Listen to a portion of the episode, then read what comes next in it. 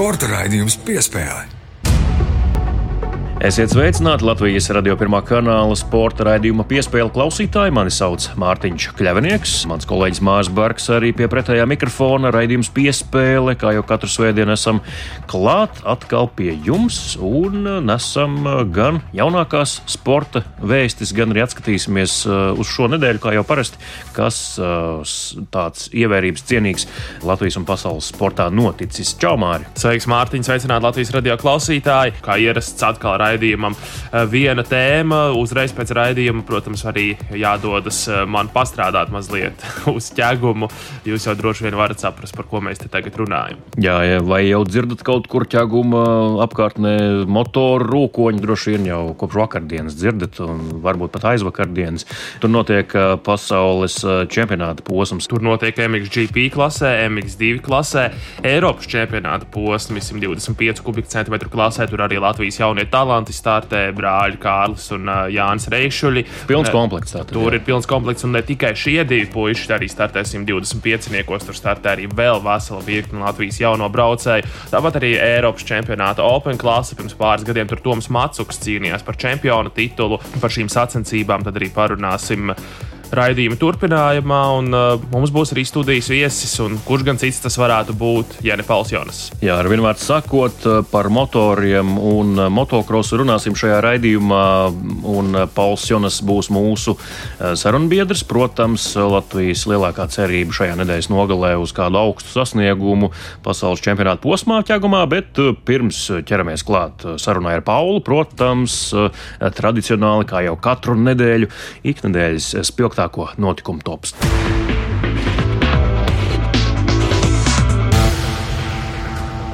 Māris Bergs un es Mārtiņš Kļavnieks ķeramies klāt pagājušās nedēļas spilgtāko notikumu topam sportā un jāizceļ, kam aizmetnītis jau bija redzams un manāms pagājušajā nedēļā. Mēs par to arī runājām, kā Andris Šits pieņēmis jaunu karjeras izaicinājumu, kļuvis par Startautiskās kamniņu federācijas mākslīgās ledus trases tehnisko direktoru, uzraudzīs, lai tiktu ievērot visi noteikumi tehniskie sacensību laikā pasaules kausa posmos, pasaules čempionātā, Eiropas čempionātā čempionātā.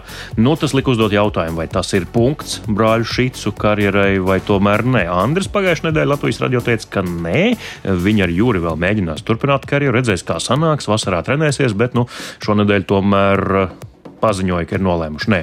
Tomēr tas ir punkts. Un laikam ļoti likumsakarīgi, ka tā jau arī Andris eh, Šits šajā intervijā rādio mums izteicās, ka tas ir pilna laika darbs. Jā, nu nav tā, ka kamionī braukšana būtu hobijs. Tas arī ir pilns slodzes darbs un divus pilns slodzes darbs apvienot. Nu, tas nav. Un tur jau mēs varētu meklēt arī interešu konfliktus, tīpaši konkurenti varētu meklēt interešu konfliktus, ko mēs te varam teikt eh, brāļiem. Paldies par lielisku karjeru. Gribētos izcelt arī to, ka viņiem ir šis gēns, kas varbūt latviešiem sportā nereti pietrūkst. Svarīgāk svarīgākajos mačos viņi spēja nostartēt vislabāk. Atceramies Vankūveras sudrabu 2010. gadā. Sezona pilnīgi nekāda. Neviens neatceras, kur viņi palika pasaules kausā tajā gadā, vai arī pēc tam Sočos, kad viņiem bija bronza, individuāla un bronza komandas stafetē. Nu, kurš atceras, kā viņi startēja pasaules kausā? Visi atceras to so, medaļu. Sūdīgi latviešu sakot, viņi startēja tās sezonas, un nekas īpašs nebija, bet svarīgākajos mačos viss notika. Un tika izcīnītas godalgas. To gan viņi var pamācīt jauniem. Vismaz nu, kā nonākt līdz tādam prāta stāvoklim. Jo nav tā, ka brāļs Šits jau agrāk bija uh, uzreiz uh, lecot savās pirmajās Olimpiskajās spēlēs uh, tieši ar šādām īpašībām. Dodamies tālāk, nedēļas topā pie ledus paliekam, bet nedaudz uh, citādā formā un izskatā hokeja izlase. Latvijas hokeja izlase uzsākusi gatavošanos uh, pasaules čempionātā. 11. aprīlī oficiāli sākās treniņu nometne, bet jau apmēram 2-3 nedēļas pirms tam jau tur ar jauniešiem, junioriem Harijs Vitoļņš strādāja. Daži pieredzējušie arī nāca uz treniņiem. Es arī vienā no tādiem treniņiem paviesojos. Un, jā, nu, tur daudz azarta, bet skaidrs, ka tas vēl nebija tas īstais izlases materiāls. Tad no 11. aprīļa jau pamazām pieplūda tie pamatspēki. Latvijas izlase šonadēļ aizvadīja divas pārbaudas spēles pret francūžiem. Tās ir pirmās divas no sešām. Vēl pret šveiciešiem izbraukumā jātiekas, un arī Kazahstāna mājās 8. un 9. maijā. Nu, tas arī ir tas sešu spēļu pārbaudas cikls, kurā tad Harijam Vitoļņam un palīgiem jātiek skaidrībā, kurus no spēlētājiem tad iekļaut pamatsastāvā pasaules čempionātam. Jā, nu, laikam lielākā skaidrība ir par vārdsargu pozīciju. Nu, Elvis Mezļīkins ir gatavs braukt pēc NHL sezonas uz pasaules čempionātu un arī izteicies, ka gatavs spēlēt visas septiņas apakšgrupas spēles, un arī pēc tam, ja vēl būs ceturtajā fināls vai vēl tālākas kādas daļfināla spēles, tad arī tās, protams. Nu, viņam jau nebūs īsti varianti. viņam, ja mēs tā godīgi sakām, viņam jau nav variantu. Viņam būs jāspēlē. Mūsu laiku Arthurs Irbijā. Viņam ir jābūt tam pirmajam neapšaubāmajam līderim vārtos. Jā, nu, jā nu, it īpaši šajā situācijā, kad uh, vēl martā mēs runājam, jā, Jānis Kalniņš, Ivars Punenovs, viss būs kārtībā. Ar vārdsargiem viss būs labi, vārdsargi mums būs. Jānis Kalniņš atsaka, Ivaram Punenovam savainojums. Tā nu, kā nu, Elvim Zlikinam būs ko pasvīst, tas ir vairāk kā skaidrs. Un, uh, nu, vienīgā iespēja, kā es redzu, kāds cits vārdsargs var tikt vārtos pasaules čempionātā, ir, ja kādu no jaunajiem puišiem vienkārši izmet laukumā pret kādu no dūžiem uzspēlēt. Dodamies tālāk, un jā, nu, Mārija, temats, kas tev nezinu, vai sirdī tūs, bet profesionāli šajā nedēļā bija tūs, jo tu pētīji to, kāda šmuce ir Latvijas florbola sabiedrībā un kas tur notiek federācijā, florbola vidē. Pagājušajā nedēļā mēs nošāvām mazliet greizi. Gribējām kā labāk un sanāca ar lāpstu papīru. Jā, mums bija Ingus Laiviņš pagājušajā nedēļā ciemos, viens no Latvijas izlases treneriem joprojām, arī Valmieras florbola komandas galvenais treneris bet uh, īsi pēc raidījuma izskanēšanas, uh, kad viņš ciemojās pie mums, tad tas katls gāja pāri malām. Jā, tur uh, bija situācija, ko Ingus arī izskaidrojas ierakstā sociālās saziņas vietnēs. Un, uh, līdz ar to intervijā ar mums viņš neizstāstīja tās lietas. Intervijā ar mums viņš, kā, viņš, kā es viņam pēc tam pašam teicu, kāpēc tu to nestāstīji, tad, kad tu biji pie mums. Ček, nu, Džeki, tā nebija domāts, jā, bet uh, jau pa ceļam mājās gadījās uh, saruna ar Florbola Savienības vadītāju Ilvu Petersonu. Un tad gan gāja pāri malām, un līdz ar to visas šīs nedēļas Mm, garumā pētījām, kas tad īsti notiek florbola aizklausēs. No malas mums, kā nezinātājiem, kuri nav iesaistīti šajā sporta veidā, vispār nekādā veidā, protams, izskatās jau diezgan sakarīgi. Tas viss jā. pasākums, 12 komandu virslīga, komandas ar arī superfināls. Jā. jā. Skatītāji pilns tribīnis. Nu, pilns gluži ne, bet vairāk tūkstoši, un uh, tas neliktu sarkt arī tai pašai basketbola federācijai, jā. basketbola savienībai. Bet nu, tomēr šis lokāla patriotisms piepilda mazās tribīnes visos reģionos. Tas Tieši tā, un ir, un ir konkurētspējīgs līmenis virs virslīgā. Īsi arī piespēles klausītājiem, bet pavisam īsi pāris vārdos, nu, kur tad ir tā būtība, kam cēmē, kas apvainojies vai kam nesamaksāts? Nu, nesamaksāts ir daudziem. Kā izrādās, nu, nesamaksāts ir daudziem. Parādi esot diezgan nopietni Florbola Savienībai, tāpat kā arī papētījām, viņiem ir arī nodokļu parādi. Jā. Parādi bija tiesnešiem, parādi bija izlases treneriem. Līdz ar to šī situācija nu, nekāda diži spožā nebija. Un, attiecīgi, naudas lietas tā ir viena daļa no problēmām. Otra puse ir komunikācija. Komunikācija, mm. komunikācija kāda ir savstarpējā komunikācija starp federācijas vadību un padotajiem, vai drīzāk tās trūkums un nēsamība, ko pārmet ļoti daudz florbola sabiedrības pārstāvju. Šādas komunikācijas jau īsti nav. Klubos neviens neieklausās. Sportā liela māksla ir aiziet pareizajā brīdī, kad tu vēl esi tādā nu, nos, nosacīta virsotnē, ka tu neesi pilnīgā brīvajā kritienā pretī bezdibenim. Vai Ilvis Petersons, uh, Florbola Savienības prezidents, ir šo mirkli nokavējis 14 gadus? Viņš ir amatā, laikam aizsēdējies. Ja? Tā izskatās. Nu, mēs, mēs esam redzējuši šos tā saucamos mūžīgos prezidentus, Kirovs Lipmans, Gunts Indriksons. Ojās Kehrs. Jā, arī viņš, arī citās federācijās ir bijuši šeit ilgadējā vadītāji. Juris Savickis, arī tenisa savienība tomēr. Jā, un mēs esam visās šajās federācijās redzējuši relatīvu stagnāciju. Vēlam florbola videi tikt skaidrībā ar to, kas tur pirmkārt notiek, kas ir jādara, lai uh, novērstu problēmas un uh, būtu uzlabojumi vispārīgi, tad jau ceram, ka drīz vien varēsim runāt arī par kaut kādiem atrisinājumiem. Mēs dodamies tālāk, un um, pēdējais mūsu izvēlētais izceļamais temats šonadēļ, kā Wimbledonas tenisa turnīra rīkotāja, viens no četriem Grand Slam turnīriem sezonā, visaugstākās raudzes, tātad nolēma, ka Krievi un Baltkrievi pie mums šogad nespēlēs. Nu, Wimbledona arī ir senākais no šiem četriem lielajiem turnīriem, un nu, Wimbledonas rīkotājiem visu cieņu, jo pasaules rāga otrais numurs vīriešu tenisā Daniels Medvedevs ir Krievs, arī viens no šī turnīra galvenajiem favorītiem. Tas arī, protams, iecirtīs kaut kādu zināmu robu gan turnīru sportiskajā līmenī, gan arī skatītāju interesē. Tāpat vēl vairāk krievu tenisisti spēlē augstā līmenī, var cīnīties par labiem rezultātiem vīriešu sacensībās.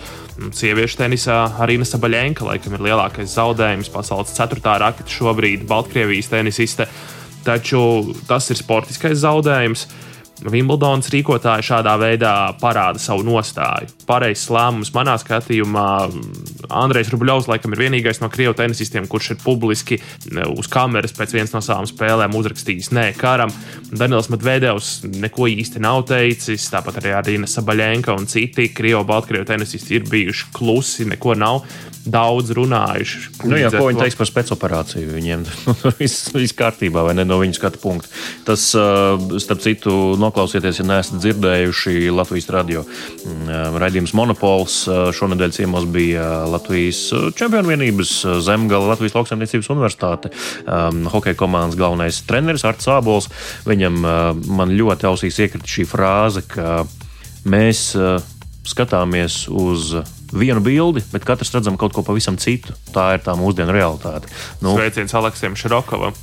arī dro, droši vien, jā, tas varētu būt kaut kas tāds. Turpinot par tenisu, jā, nu, tur ir šie atšķirīgie skati, viena fotografija vai viens video, un uh, Krievijas, Baltkrievijas puse redz spēcoperāciju, vispārējā pasaule redz uh, atklātu kara darbību un genocīdu. Domājams, ka tenisisti jau arī redz to pašu, vien, jo viņi lielāko kurš... daļu savas, savas dzīves un ikdienas pavada ārpus Krievijas un Baltkrievijas. Viņi pavada vai tā ir Rietuma Eiropa vai tā ir Ziemeļamerika vai kāda cita vieta. Jā, bet Taču. kuram bailes, kuram bijība, kuram varbūt izdevīgums. Nu, šajās neko. valstīs nu, tu īpaši nevari nekur tikt, ja tu neesi kaut kādā veidā ar to visu saistīts. Nu, īsti izrunāties pretī viņi nemaz nevar pat, ja gribētu. Krievija, Baltkrievija šo sporta panākumu pirmkārt tiks pasniegts kā valsts panākums, nevis kā šo individuālo tenisistu panākums. Līdz ar to, jebkas, kas var šīm valstīm liekt šo prieku, tas ir atbalstām. Atbalstīs gan uh, to, ka uh, nevajadzētu izslēgt no lielajiem turnīriem Krievijas un Baltkrievijas, ir neviens cits kā mūsu šī gada sākumā daudz pieminētais Novaks Džokovičs. Viņš ir nedēļas klauns atkal. Viņš iekāpis citā peļķītē tagad, jā, jau, bet uh, interesanti, ka Latvijā arī tā korelācija ir saskatām. Tie, kuri bija pret vakcināciju un Covid-19 ierobežojumiem, kā arī Novaks Džokovičs. Tagad, eh, kā saka, daudzi runā Kremļa ruporā, eh, arī publiski. Tad, nu, Džokovičs pat arī līdzīgi kaut kā viņam ir tas vai sakritis, vai tiešām tā ir, ka viņam arī tā sagadījies. Nu, ko es arī esmu novērojis tieši šajā jautājumā, sociālās saziņas vietnēs, gan Twitter, gan Facebook. Gan rietumē, gan ziemeļamerikāņi īstenībā jau nesaprot to lietas būtību. Ļoti daudz izteicās, ka tas ir nepareizs lēmums. Arī tenisa profesionāla asociācija, nu, tas ir viņu uzdevums sūdzēties, ka šis nav pareizs. Tas, tas būtu viens. Bet tieši cilvēki, Twitter lietotāji, Facebook lietotāji, kāpēc tā, par ko tenisistus sodīt, viņi taču ne pie kā nav vainīgi. Bet viņi jau nesaprot, cik ļoti šie cilvēki ir pietuvināti kaut kādā mērā šo valstu politiskajiem režīmiem un cik ļoti Krievija vai Baltkrievija šo sportistu sasniegumus pasniedz kā valsts panākums. Viņiem to nesaprast. To saprotam mēs, tās valstis, kas dzīvo šeit kaimiņos, Krievijai, Polija, Lietuva, Latvija, Igaunija, arī Somija saprot. Mūsu pozīcija, ko varam paust arī uh, publiski, ir skaidra, ka nu, jā, ne Krieviem, ne Baltkrieviem nav vietas uh, starptautiskajās sacensībās. Un uh, tops līdz ar to arī noslēdzas, un tagad gan ķeramies klāt. Uh, motoriem un eh, to rūkoņai, un eh, aicinām ciemos Paulu Jonasu. Piespēle. Mārtiņš Kļavnieks un Mārs Bergs studijā, un uh, mums pievienojies attālināti Latvijas labākais uh, motocross braucējs Pauls Jonas, uh, kuram šonadēļ, protams, nedēļas nogala paiet ķeguma trasē, un par to prieks, ka Paulu varam skatīt šeit pat Latvijā. Sveiks, Paul! Klau, nu, sāksim ar tādu vienkāršu jautājumu pirms posma ķegumā. Paspēja aizbraukt uz mājām Kalvanē? Nē, nē, nav paspējis. Ielidoju Rīgā un tad uh, pat aizno devos uz Latvijas Olimpisko vienību, tur pie Alda Cīruļa un uh, tur pie doktoriem, fizioterapeitiem, lai savestu veselību kārtībā, lai sacensībām viss būtu 100%. Kalveni un iegriešanās mājās, tā tev ir tāda reģenerēšanās, emociju atjaunošana, tāda miera osta. Tur tev ir jāpabūt, vai tu vari arī, esot Latvijā, iztikt bez būšanas tur, kā ir. Jā, es sanācu tā, ka tajos pēdējos gados vairāk neesmu tur iegriezies tik daudz, varbūt, kā, kā tas bija iepriekš. Un uh, Beļģija ir izveidojusies jau tam pirmajām mājām, varētu teikt. Iepriekšējos gados, pirms eh, posma Latvijā, vienmēr esat mēģinājis trenēties vietējās trasēs, tur pilsblīderi un arī citas. Eh, šogad paspēja kaut kur pabraukt eh, Latvijā, patrenēties, vai tikai Beļģijā?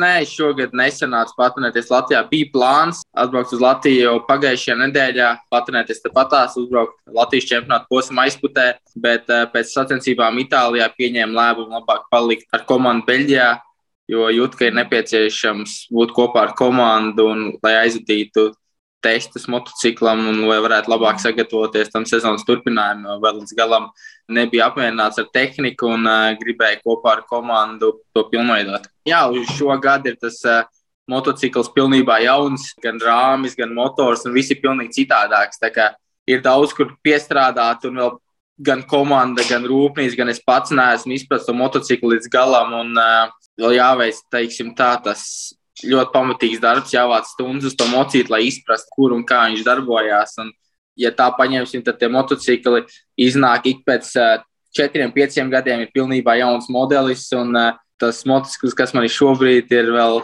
izpētes stadijā. Jā, meklējam. jā izpētes stadijā. Un, tāpēc arī vienmēr tas rūpnīcas pilotiem papildus plusiņš, vai arī dažreiz tas ir negatīvi ietek, ietekmē, ka mēs esam braukt ar to modeli vienu gadu ātrāk nekā tas pieejams visiem citiem. Un tad mēs izpētām un, un satestējam, lai jau nākošajā gadā tiem klientiem, tiem parastajiem braucējiem, kas pērtos motociklus, nebūtu nekādas problēmas, viss būtu kārtībā. Neskatoties uz to, ka esat izpētes stadijā, tu un komanda un vēl mēģināt uh, uztaustīt tos labākos regulējumus, ātrums trasē vairākos posmos ir bijis tiešām ļoti, ļoti labs. It īpaši gribētos izcelt, laikam, Argentīnu. Pirmo reizi MXGP uzvarēja kvalifikāciju. Nu, varam teikt, ka Argentīna tas bija ieskats tajā, uz ko es spējīgs pats un arī mocis, tad, kad tiešām lietas saliekas tā, kā tām vajadzētu būt? Jā, es domāju, ka visam noteikti. Es jau arī komandai, gan arī rūpnīcai, gan arī citiem cilvēkiem esmu teicis tajā brīdī, kad motociklam notrāpam to labo regulējumu, viņš ir tiešām ļoti, ļoti labs. Bet uh, šobrīd ir vienkārši jāsaprot uh, katrā trasē un uh, katram tam trases segumam kādas pārmaiņas jāveic. Kā tu jūties fiziski šobrīd? Sezonas sākums nav bijis tas veiksmīgākais, ar, gan ar traumām, gan tagad arī bija neliels tas veselības problēmas, tur vēdera vīrus bija noķēris, ir gājis. Kā pa kalniem un pa lejām, uz augšu un uz leju visu laiku, bet līdz tai top, top formai es domāju, ka vēl būs vajadzīgs kāds laiks. Ja pirms sezonas sākuma es jūtos fiziski ļoti, ļoti labi, tad varbūt tās nelielās veselības ķibeles ir atsiedušas un atpakaļ. No sezonas vidus varētu būt tajā top formā. Tā kā vēl kāds mēnesītis būs vajadzīgs visam noteikti. Par ķegumu parunāsim nedaudz. Tā tad mājas trase ķegums nav tā, ka tev tur ir spīdoši veicies līdz šim visos iepriekšējos ķeguma posmos. Kāpēc tā? Jo... Nu, ķeguma trase, es neteiktu, ka varbūt tā ir man pat mīļākā, bet uh, arī nav tā, ka man viņa nepatīk. Tā kā tās attiecības mums, teiksim tā, varbūt nav tās pašas, pašas labākās, bet uh, ir bijuši gan labas sacensības, ir bijuši gan kritieni, gan netik labi braucieni, bet uh, kopumā viduvējs attiecības nezinu, kādu nosaukt. Bet, protams, ir ļoti patīkami redzēt uh, Latvijas karogus un Latvijas fanu trases malā, bet tas ir uh, arī tajā pašā laikā lielāks spiediens. Un, uh, cenšos izslēgt no galvas, bet nevienmēr to sanāk. Un redzot tos, tos fanu novācijas, trases malā iedot to papildus emocijas, bet arī to papildus stresiņu, varbūt tāpēc nevienmēr tik labi izdodas. Nekad man nav sanācis izcīnīt uzvaru ķeguma trasē, bet uz kuru piedzīvā esmu stāvējis, un tās visiem noteikti labas emocijas. Jā, Paul, par tavu, nu, teiksim tā, profesionālo ceļojumu. Tagad mēs pievēršamies tai filozofiskajai intervijas daļai. Tavs ceļojums, jā, no MX2 uz MXGP, tavi līdzinājie gadi MXGP. Tas ir kaut kā līdzīgi, kā tu biji iedomājies, kā tas varētu būt, vai tas tev absolūti ir pārsteidzis un ir pilnīgi citādāk nekā tu biji iztēlojies? savā ziņā bija iztēlojies tā, bet tā kā no otras puses laikam ir sarežģītāk un smagāk nekā es biju gaidījis. Jo zināju, ka tur brauc visi pasaulē labākie braucēji, ātrākie tas ātrums man nepārsteidz, bet uh, tieši tā tehniskā puse, cik daudz laika ir jāpavada testējot un domājot, lai varētu sagatavot tehniku pēc iespējas labāk kopā ar komandu, ar rūpnīcu, ar inženieriem. Ir jāpavada daudz laika analizējot iepriekšējās sacensības un domājot par nākotni, ko un kā varētu uzlabot. Tas varbūt ir tas, ko es nebiju gaidījis, un tas man pārsteidz. Bet uh, pasaules augstākais līmenis, motokrosā, MXGP klase, tas ir pilna laika darbs, un visu laiku ir, ir jāpavada vai nu treniņos, vai arī domājot, kā varētu to visu veikt labāk. Tā 2018. gadā gūtā trauma MX2, kad uh, satraumēja celi, tas noteikti arī ir atstājis sekas uz to, kā ir nu, attīstījušies šie pēdējie pāris gadi tavā karjerā? Es domāju, ka visiem noteikti jā, tā pati 2018. gada ceļa trauma un 2020. gadā, kad satraumēja muguras, tas ir atstājis tādu iespēju, kā jau jebkura trauma. Un, uh, tas viss atsvērš tev uz atpakaļ, izlaiž sacensības vai tos pašus sagatavošanās periodu. Es gribēju uzzināt, un pastāstīt arī radio klausītājiem, kā īsti ir. Nu, tur hokeisti, basketbolisti tādi uz laukuma, kur izmanto tikai savus, kā saka, fiziskās spējas, kuriem nav palīgi rīku, izņemot varbūt bumbu vai ripu. Tie saka, ka ar laiku, ar gadiem nāk pieredze, un tu vairs neskrien tik ļoti, tev nav jābūt ātrākajam, tu padomā, tu ar pieredzīti nospēlē. Vai motokrosā arī var ar pieredzīti vairāk redzēt līnijas, un varbūt tu 25 gados neskrien tik ļoti kā 20 gados, bet brauc gudrāk, vai arī joprojām tās klapas ir jāiztaisa ciet un tikai jāmauc. Kā tur ir? Pavisam noteikti ar gadiem nāk pieredze, un tu brauc gudrāk. Un, arī tas tajā pašā treniņa procesā nāk klāt pieredze, tu saproti, ko labāk darīt. Un, uh, Jo, kad tas jauns, ko tev pasaka, to varbūt neieklausies tik daudz savā ķermenī, bet, kad paliec vecāks, te jau sāc domāt, vai tas ir vajadzīgs, ja tas tev palīdzēs. Tāpat tās varbūt taktiski vairāk pabrauc, braucam, pabrauc ar no aizmugures, palas viņa līnijas, paskaties, un tad tikai apzināties, nevis uzreiz skrien pa galvu, pa kaklu. Bet ir arī, protams, brīži, kad tev ir vienkārši jāiztaisa tās klapas un jābrauc uz maksimumu, ka tu nevari domāt, tu nevari, nevari gaidīt labāk mirkli. Skatoties arī šo sezonu, nu, tie jaunie puikas, tas pats Renault, nu, viņš lido, bet uh, atkal paskatoties Gaiseru, nu, viņš ir apmēram tavs vienaudzis. Tur varbūt kādu gadu vecāks, manuprāt, viņš ir. Mm. Nu, viņš ir atkal tas, kurš paskatās pirms apdzena. Uh, nu. Tā jau parasti ir, kad uh, pats zinu no tiem pirmajiem gadiem, kad MVGP klasē sāk braukt, tev bija vienalga, kurš ir priekšā, tik varēja apdzīt uzreiz un tagad. Tagad varbūt paskaties, panelizē, saprot, ziņā, ko tas braucējs tev priekšā darīs, kāds viņš ir. Uh, redzēt, ir no gaisa, ka viņš varbūt nogaidījās pirmajās minūtēs un sāk kāpināt tempu uz brauciena beigām. Bet tas, jā, tas viss nāk ar pieredzi un ar laiku. Un uh, pavisam noteikti nevar gulēt tajos pirmajos apļos, bet tas izšķirošākās minūtes ir tās pēdējās. Kā tu saglabā to bērnišķo nevainību, ka, ko tu arī teici šeit sarunā, ka tam joprojām ir jābūt nu, tavai nodarbei, ko tev patīk darīt, tā lai tas pārāk nepārvēršas par darbu. To ātri pamanīt, ir, kad, teiksim, brīvs dienas daļš, tu saproti, ka bez tā jau vienkārši vairs nevar, kad ir pēc sezonas nedēļa vai divas brīvas, kad pēc trīs, četrām dienām tu vairs nesaproti, ko darīt, kas, kas ar tevi notiek, ka tu esi tik ļoti pieredzējis tajā būtajā treniņa režīmā, gan fiziskiem treniņiem, gan braukšanā ar motociklu, ka bez tā vienkārši tu vairs nespēji dzīvot, ka tev tas jau sāk pietrūkt. Varbūt uz sezonas beigām sāk likties, ka, oi, varētu tā sezona ātrāk beigties, bet, kad viņi beidzās, tad jau pēc divām nedēļām viņi varētu sākties atkal.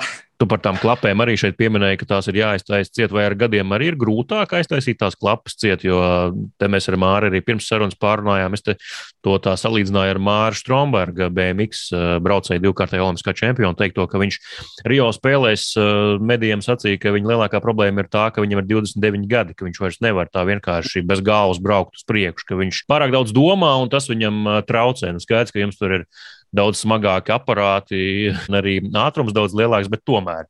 Vai tu jūti, ka varbūt ar gadiem tu vairāk piedomā, piesargājies kaut kur pat neapzināti, kā tur īsti ir, vai tava galva ir tikpat traka kā, kā agrāk? Jā, es domāju, ka visiem noteikti to var manīt, pat uh, brīžiem varbūt tas noteikti neapzināti. To es kā minēju, arī kā piemēru pagājušajā gadā bija uh, kaut kāds posms, bija, kad es braucu. Un pēc brauciena es braucu komandai, un es teicu, nu, ka es saprotu, es zinu, ka es varu pabraukt ātrāk, bet uh, galva vai ķermenis vienkārši tev neļauj, kad ir kaut kāda tāda uzspiež uz bremzēm, pats ķermenis un pat galva, lai nebūtu jātreko, lai tās klapas nevarētu līdz galam aiztaisīt ciet. Bet tas ir jā, vairāk vai mazāk pat neapzināti, bet par laimi tas nenotiek pārāk bieži. Izskatās, ka komandai arī šajā sezonā tevi atsevišķos posmos pat nu, nevis jāpiebremzē, bet uh, atceros Argentīnā, nu, varēja redzēt, uh, mehāniķis uz tāfelītes tur uh, uzrakstu elpo. Tad, nu, tā kā netrako, brauc, brauc savā tempā, nepārcenties. Jā, es domāju, ka šogad arī komanda ir vairākas reizes mani centusies piebremzēt un likusi nedaudz nogaidīt. Tāpat arī treniņos. Viņi saprot, cik ļoti es to gribu un cik daudz es gribu trenēties. Varbūt pats es brīžiem pārforsēt, ka komanda cenšas man nedaudz nomierināt, piesēdināt, lai, uh, lai es varbūt kādu dienu vēl atpūšos, lai nepārforsēju, nepārdegtu. Jo, protams, pēc tam tikko tā roka bija sadzījusi, gribējās pēc iespējas vairāk, pēc iespējas ātrāk atgriezties, bet uh, labi, ka bija tāda komanda apkārt, kas nedaudz likmi pagaidīt, lai vēl tā roka labāk sadzīst un nesaforsētu, un nesāktos vēl kādu brīnumu. Pauls Jonas, Latvijas labākais motocross braucējs, šonadēļ klātienē redzams ķeguma trasē. Tepat Latvijā izmantojiet noteikti šādu iespēju vienmēr, kad ir savējos skatīt vaigā. Paldies, Paul, tev par šo sarunu, un tad nu, mēs ar Māri arī novēlam to, ko tu pats tikko izteici, bez traumām, un tad jau tas rezultāts atnāk, braukt jau tu māki ļoti labi. Lielas paldies! Latvijas radio pirmais kanāls, Svētdiena, sporta raidījums piespēle, Māris Bergs un es Mārtiņš Kļavinieks studijā. Un tuliņ jau studijā nāks arī Latvijas radio leģenda, nebaidos šī vārda, vienmēr tā esmu viņu dēvējis, Gunārs Jākapsons un viņa rubrika ciemos pie Gunāra Jākapsona. Māri, par ko tu domā? Pusseptiņos no rīta, limuzīns uz krīta. es, es godīgi sakot, pat nezinu. Es par Eirovīziju laikam domāju. Diezgan trāpīgi, jā. Tā, protams, ir grupas citi zēni, dziesma, mm, limuzīns uz krīta, ar ko viņi nepiedalīsies Eirovīzijā. Viņi Eirovīzijā piedalīsies ar pavisam citu dziesmu, bet uh, Gunārs Jākapsons, vienu no citu zēnu mm, grupas dalībniekiem, aicināja uz sarunu. Ne tikai viņu, tūlīt arī uzzināsiet, ko vēl bet izrādās, ka grupa citi zēni ir ļoti saistīta ar sportu, un tieši šis konkrētais eh, grupas pārstāvis ārkārtīgi arī ģimenes um, saknēs saistīts ar sportu. Ciemos pie Gunāra Jākapsona.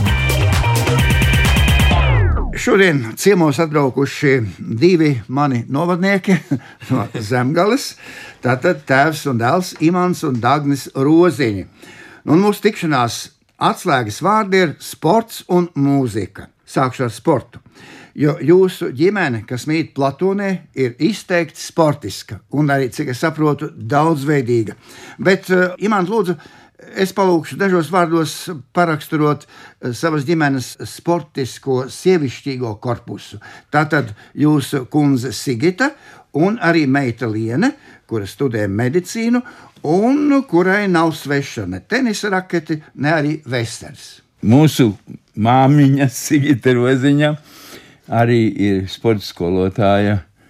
Viņai gan specialitāte bija basketbols, bet tagad viņa ir volejbola trenere. Meita Liena Roziņa septiņus gadus mēģināja tikt tenisa virsotnēs, neizdevās traumas dēļ un varbūt arī tāpēc pati sāka studēt medicīnu.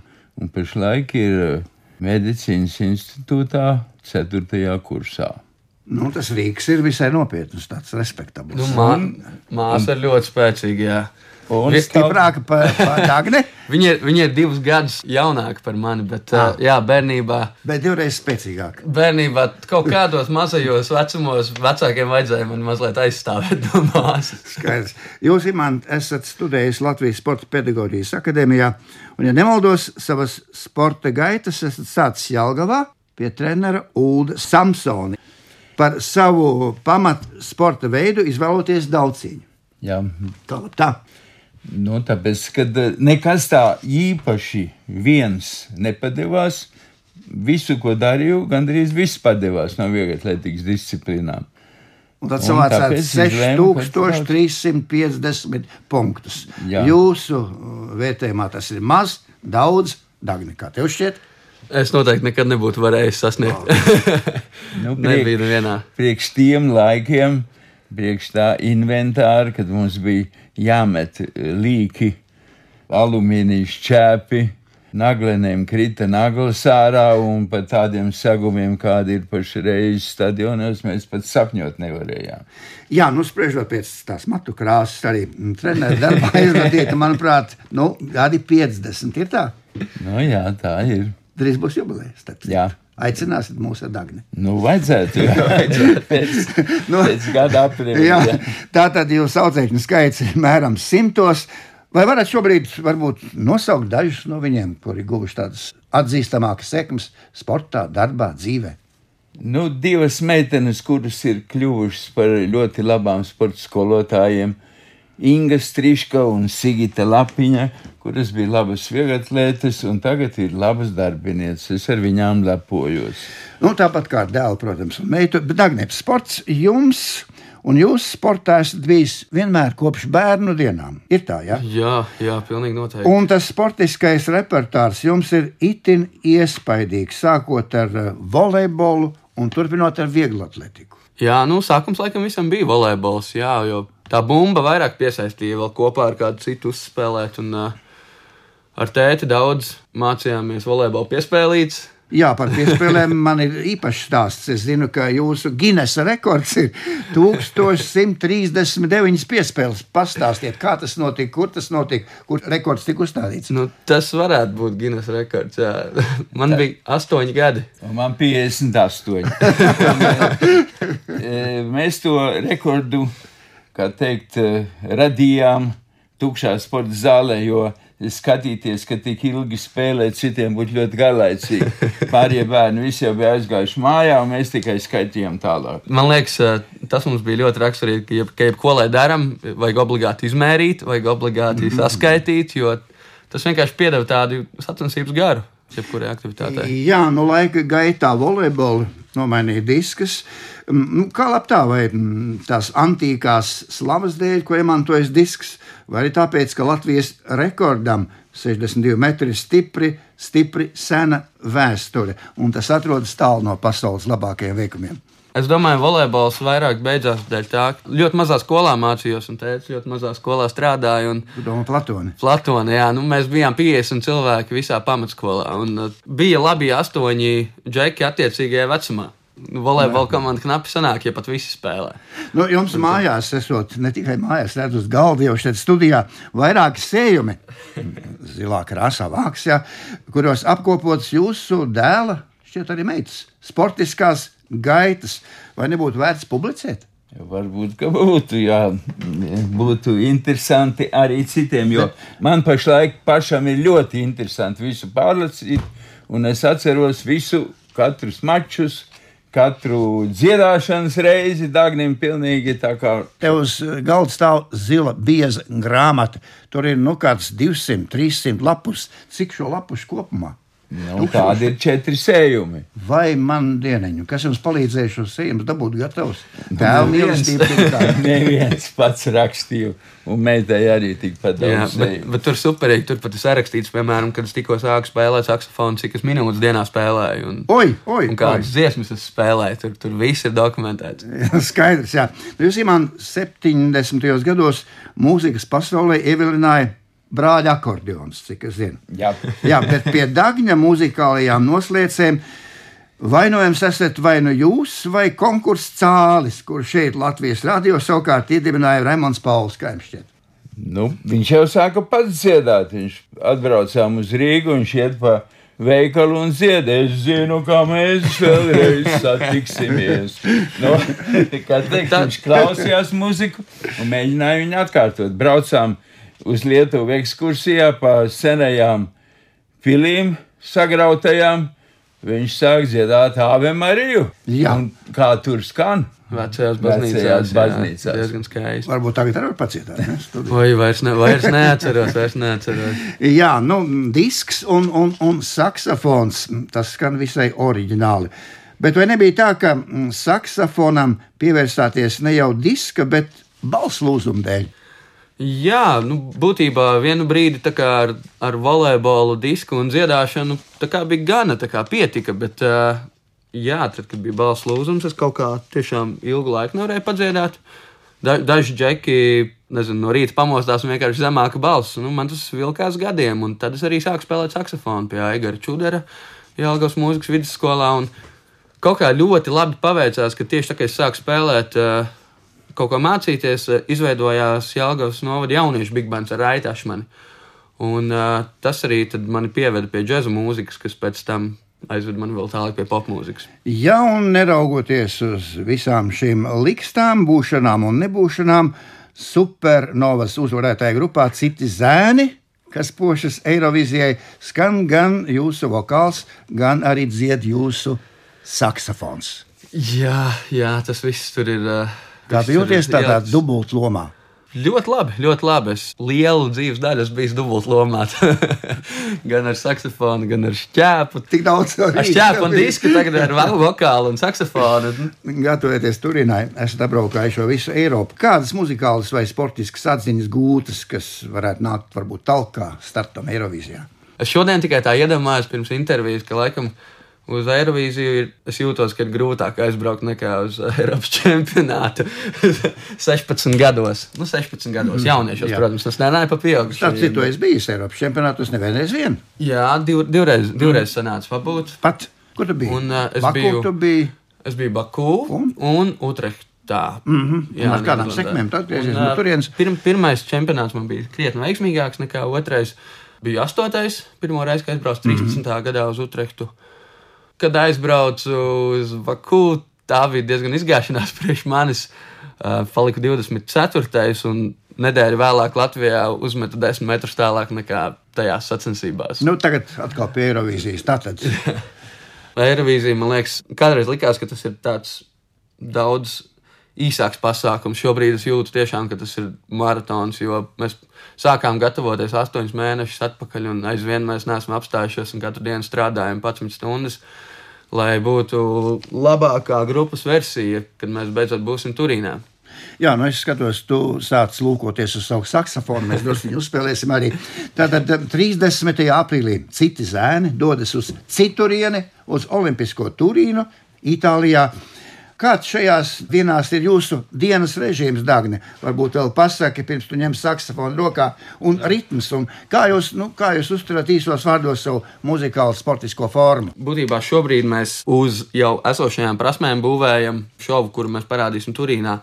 Mums katru dienu ir choreogrāfijas mēģinājumi, mēs filmējam uh, dažādus video, ar kuriem noķert fanu uzmanību, kas ir paredzēti YouTube, Instagram, TikTok platformām mēs regulāri taisām skaņas mēģinājumus un gatavojam programmas vasaras koncertiem. Mēs ierakstām jaunas dziesmas, ko izdot pēc Eirovīzijas un izmantot šo lielo uzmanību, ko mēs esam pievērsuši sev, lai izbīdītos ārpus, varbūt tālāk Eiropā. Darba ir ļoti daudz tiešām. Jā, nu tagad ieskanēsies droši vien tavs saksofons. Jā. Mēs turpināsim sarunu ar, ar tēti. Atliek piebilst, ka Eirovizijas 66. pirmais pusfināls būs 10. maijā, mūsu starta numurs 2 un fināls 14. datumā. Kāda imanta ir jūsu ceļa maize dēlam un citiem zēniem, kuru muzikāli krāsainajam un arī sportiski attraktīvajam priekšnesumam nākamā mēnesī sekos visa Latvija? vēlējums ir tāds, lai viņam beidzās labākā diska mešanā. Tas ir vispirms jāiekļūst finālā, un pēc tam jāizcīna finālā augstāka vieta kā astotā. Tā tad fināla trīniekā jā. Bet lai šauja arī augstāk. no ko? Mēs klausāmies, kā skan Dāngļa saksofons, un droši vien mūsu vēlējums varētu būt tāds, tāds kopīgs. Tātad, tas varētu būt sarauja citi zēni, sarauja Latvija. Sarauj citi zēni, sarauj Latvijā! Kas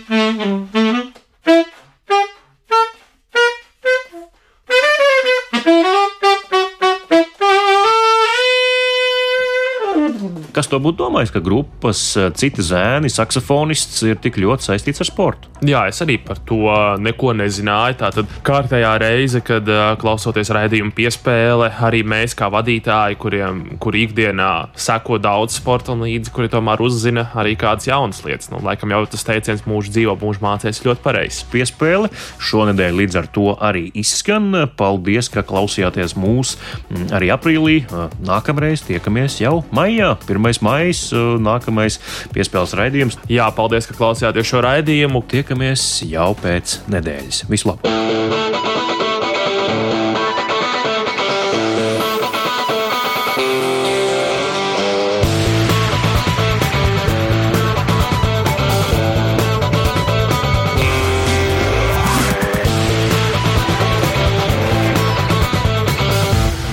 Sporta raidījums piespēlē.